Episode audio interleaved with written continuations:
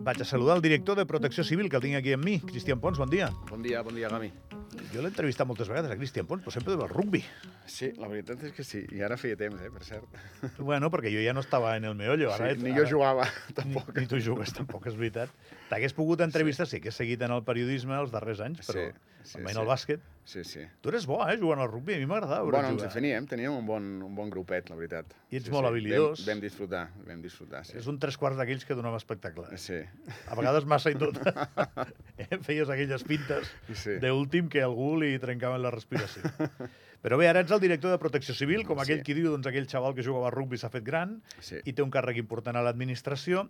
Protecció Civil en aquí, i us agraïm molt que vingueu, ens aneu explicant una miqueta de què va el servei.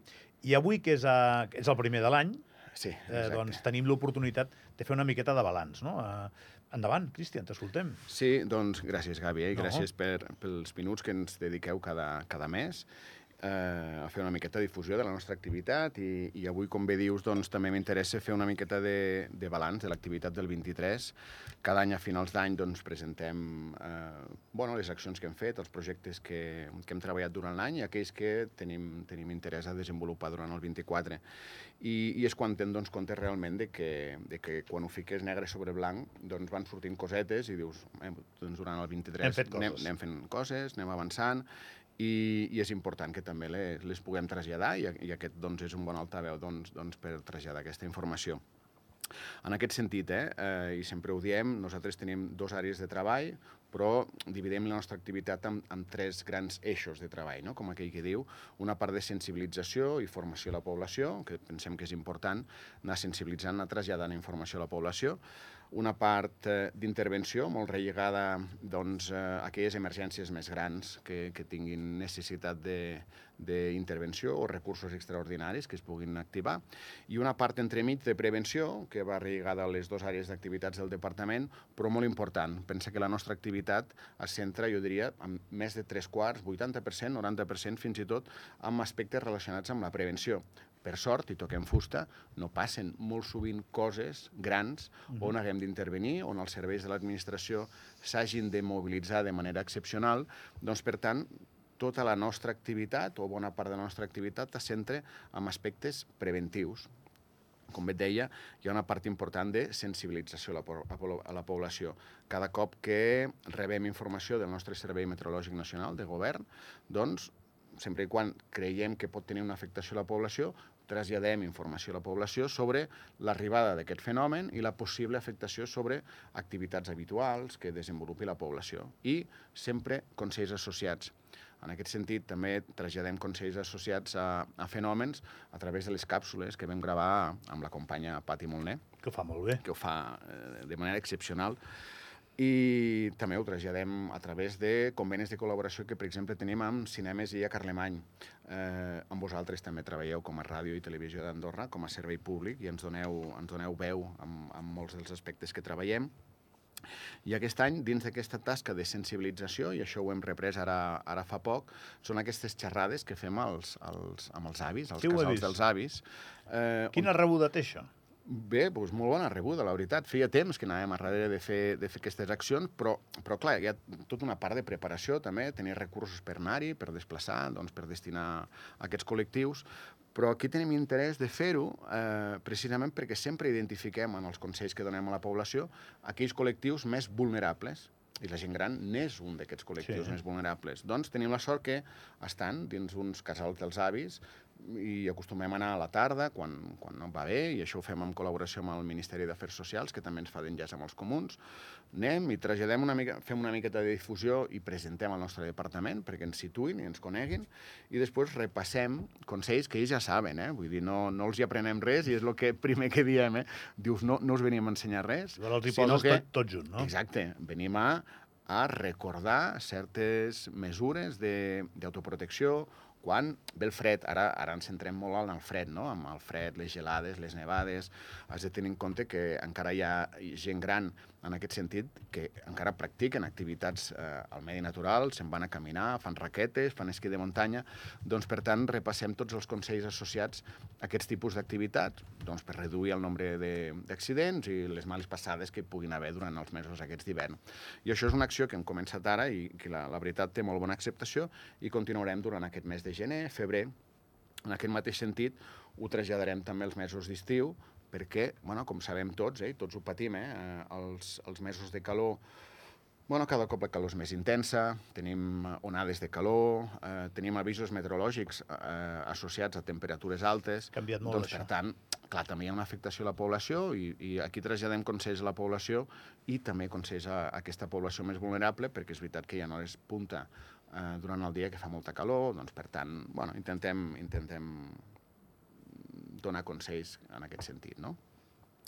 Llavors, dins d'aquesta àrea de prevenció que dèiem, eh, i és, és una àrea molt important, i aquí ressaltar, perquè ens agafa molt temps, tota la feina que dediquem als dispositius preventius de seguretat. Totes aquestes activitats, tots aquests actes que s'organitzen a Andorra, que cada cop són molts, són més, vull dir, i són més d'abast, d'alguna manera. Eh? Organitzem Copes del Món, organitzem concerts cada cop més grans.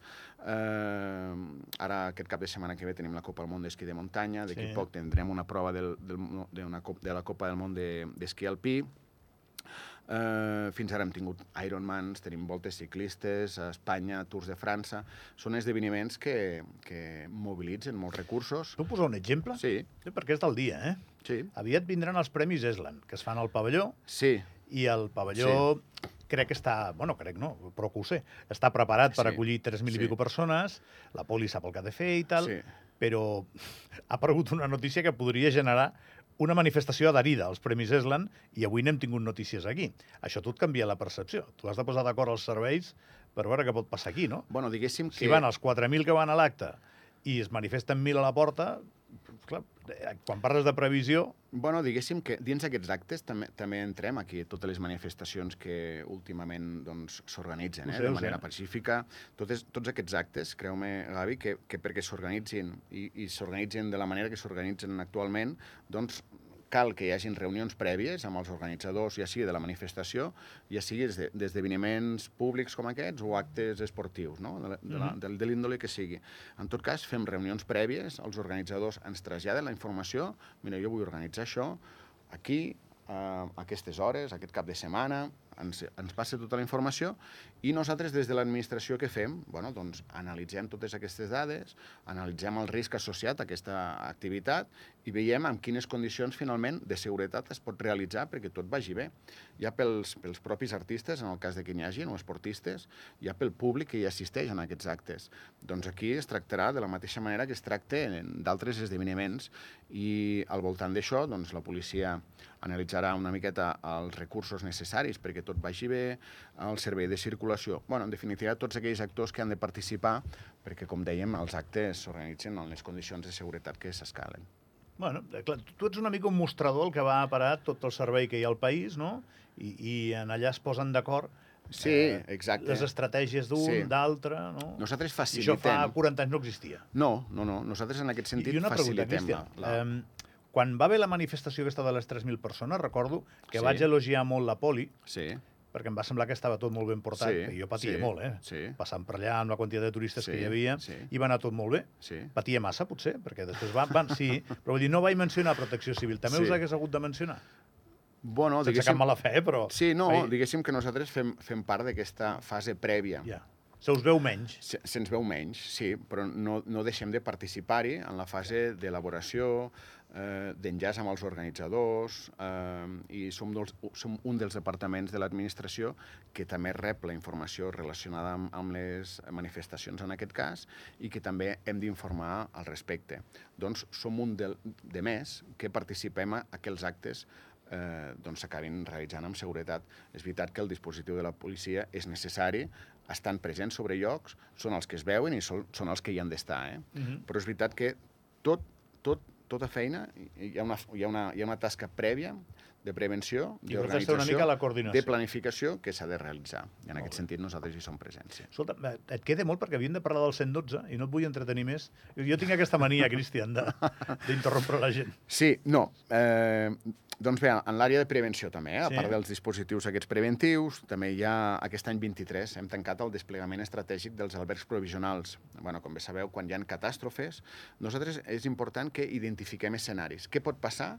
Doncs, per tant, com ens podem organitzar prèviament i escriure un negre sobre el blanc, perquè el que vingui després de mi doncs, també ho tingui sobre, sobre paper. És un protocol. Exacte. Doncs després del conveni que vam signar amb l'Unió Hotelera i autèntics hotels que ens cedeixen amb unes, amb unes condicions X eh, habitacions d'hotel en cas de catàstrofes o en cas de que hi hagin incendis i que la gent s'hagi de reallotjar, bueno, sempre pot passar que aquest, aquestes emergències siguin el 31 de desembre on tots els hotels estiguin plens. Clar. Bueno, doncs ens devem a tenir una segona línia de- de- d'atac, diguéssim, no? que són aquests albergs provisionals.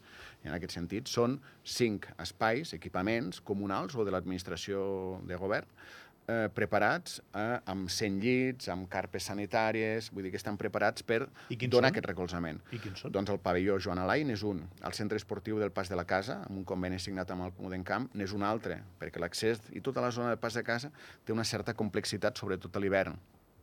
A Canillo vam signar un conveni amb, amb el Comú de Canillo, a l'edifici Perecaus també, també està equipat. L'escola secundària de eh, Ordino, del costat de les Valls del Nord. I si hi ha un follon, Llavors, llavors i s'activa. el centre esportiu de Sant Julià, també en col·laboració amb el Comú de Sant Julià. I en el cas de que es requerís allotjament per persones que estiguessin en situacions de vulner- vulnerabilitat degudes a emergències, doncs tenim aquests recursos, ja et dic, més o menys amb 100 llits, amb 100 mantes, amb tot l'equipament eh, que, va, que va amb els llits, I on ho tens ja guardat, preparats. Doncs en magatzems que el, el propi equip, equipament disposa. O sigui, ho tenim tot allà. Tenim... Això va passar una vegada, eh? Tu, tu és que ets molt jove. Sí, sí, El- va passar. L'any 90... No tan jove ja, però... El seu, sí, més que jo segur.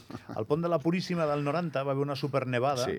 La gent es va quedar Sí. totalment eh, bé, colgada de neu aquí Sí. i no va poder marxar. I el pavelló del govern el van habilitar. Exacte. Sí, sí, això. sí. Doncs passaria exactament el mateix i en el seu dia segurament eh, es va reaccionar de la millor manera que, que es va poder. Sí. Doncs ara seria el mateix, però ja tenim 500, ai, 100 llits aquí, eh, per, aquest, per exemple. I si passés a la zona de Canillo, tenim 100 llits allà, i al pas de la casa 100 llits més, amb la possibilitat de reforçar aquests dispositius, però tenint en compte que per una primera activació 100 llits ja és molt. Sí. Doncs hem acabat aquest primer desplegament i tenim 500 llits distribuïts per tot Andorra i penso que és un projecte que també és important a, a mencionar. Després tota la feina que es fa amb els protocols o els plans d'actuació, eh? sense entretenir-me entretenir gaire, eh? Si t'entretinc jo. però, però és important que bueno, sapiguem com actuar enfront sovint als avisos meteorològics del Servei Meteorològic Nacional. No? Quan ens diuen demà nevarà molt, bueno, doncs, què fem com a administració? Hi ha tot una, tota sèrie d'accions preventives, hi ha tota una sèrie d'accions eh, de restricció associades, per exemple, amb un període d'incendi a l'estiu, i tot això queda negre sobre blanc i és la part del desplegament operatiu de la llei qualificada de protecció civil. Aquests plans d'emergència, com ens hem de eh, organitzar com a administració per reduir l'impacte d'aquest fenomen que ens, que ens avisen. A Catalunya, i potser eh, a la gent li sonarà més, doncs és el, el Neucat, l'Inuncat, el Procicat, Sí, hem tots posat aquests noms de CAT. Tots aquests noms. Sí, doncs és com s'organitzen eh, l'administració o els serveis operatius doncs, de, de la Generalitat de, la, Cata- de Catalunya per fer front a, a aquesta emergència. Doncs nosaltres estem treballant en aquest desplegament que preveu la llei també. I el 112? El 112, sí.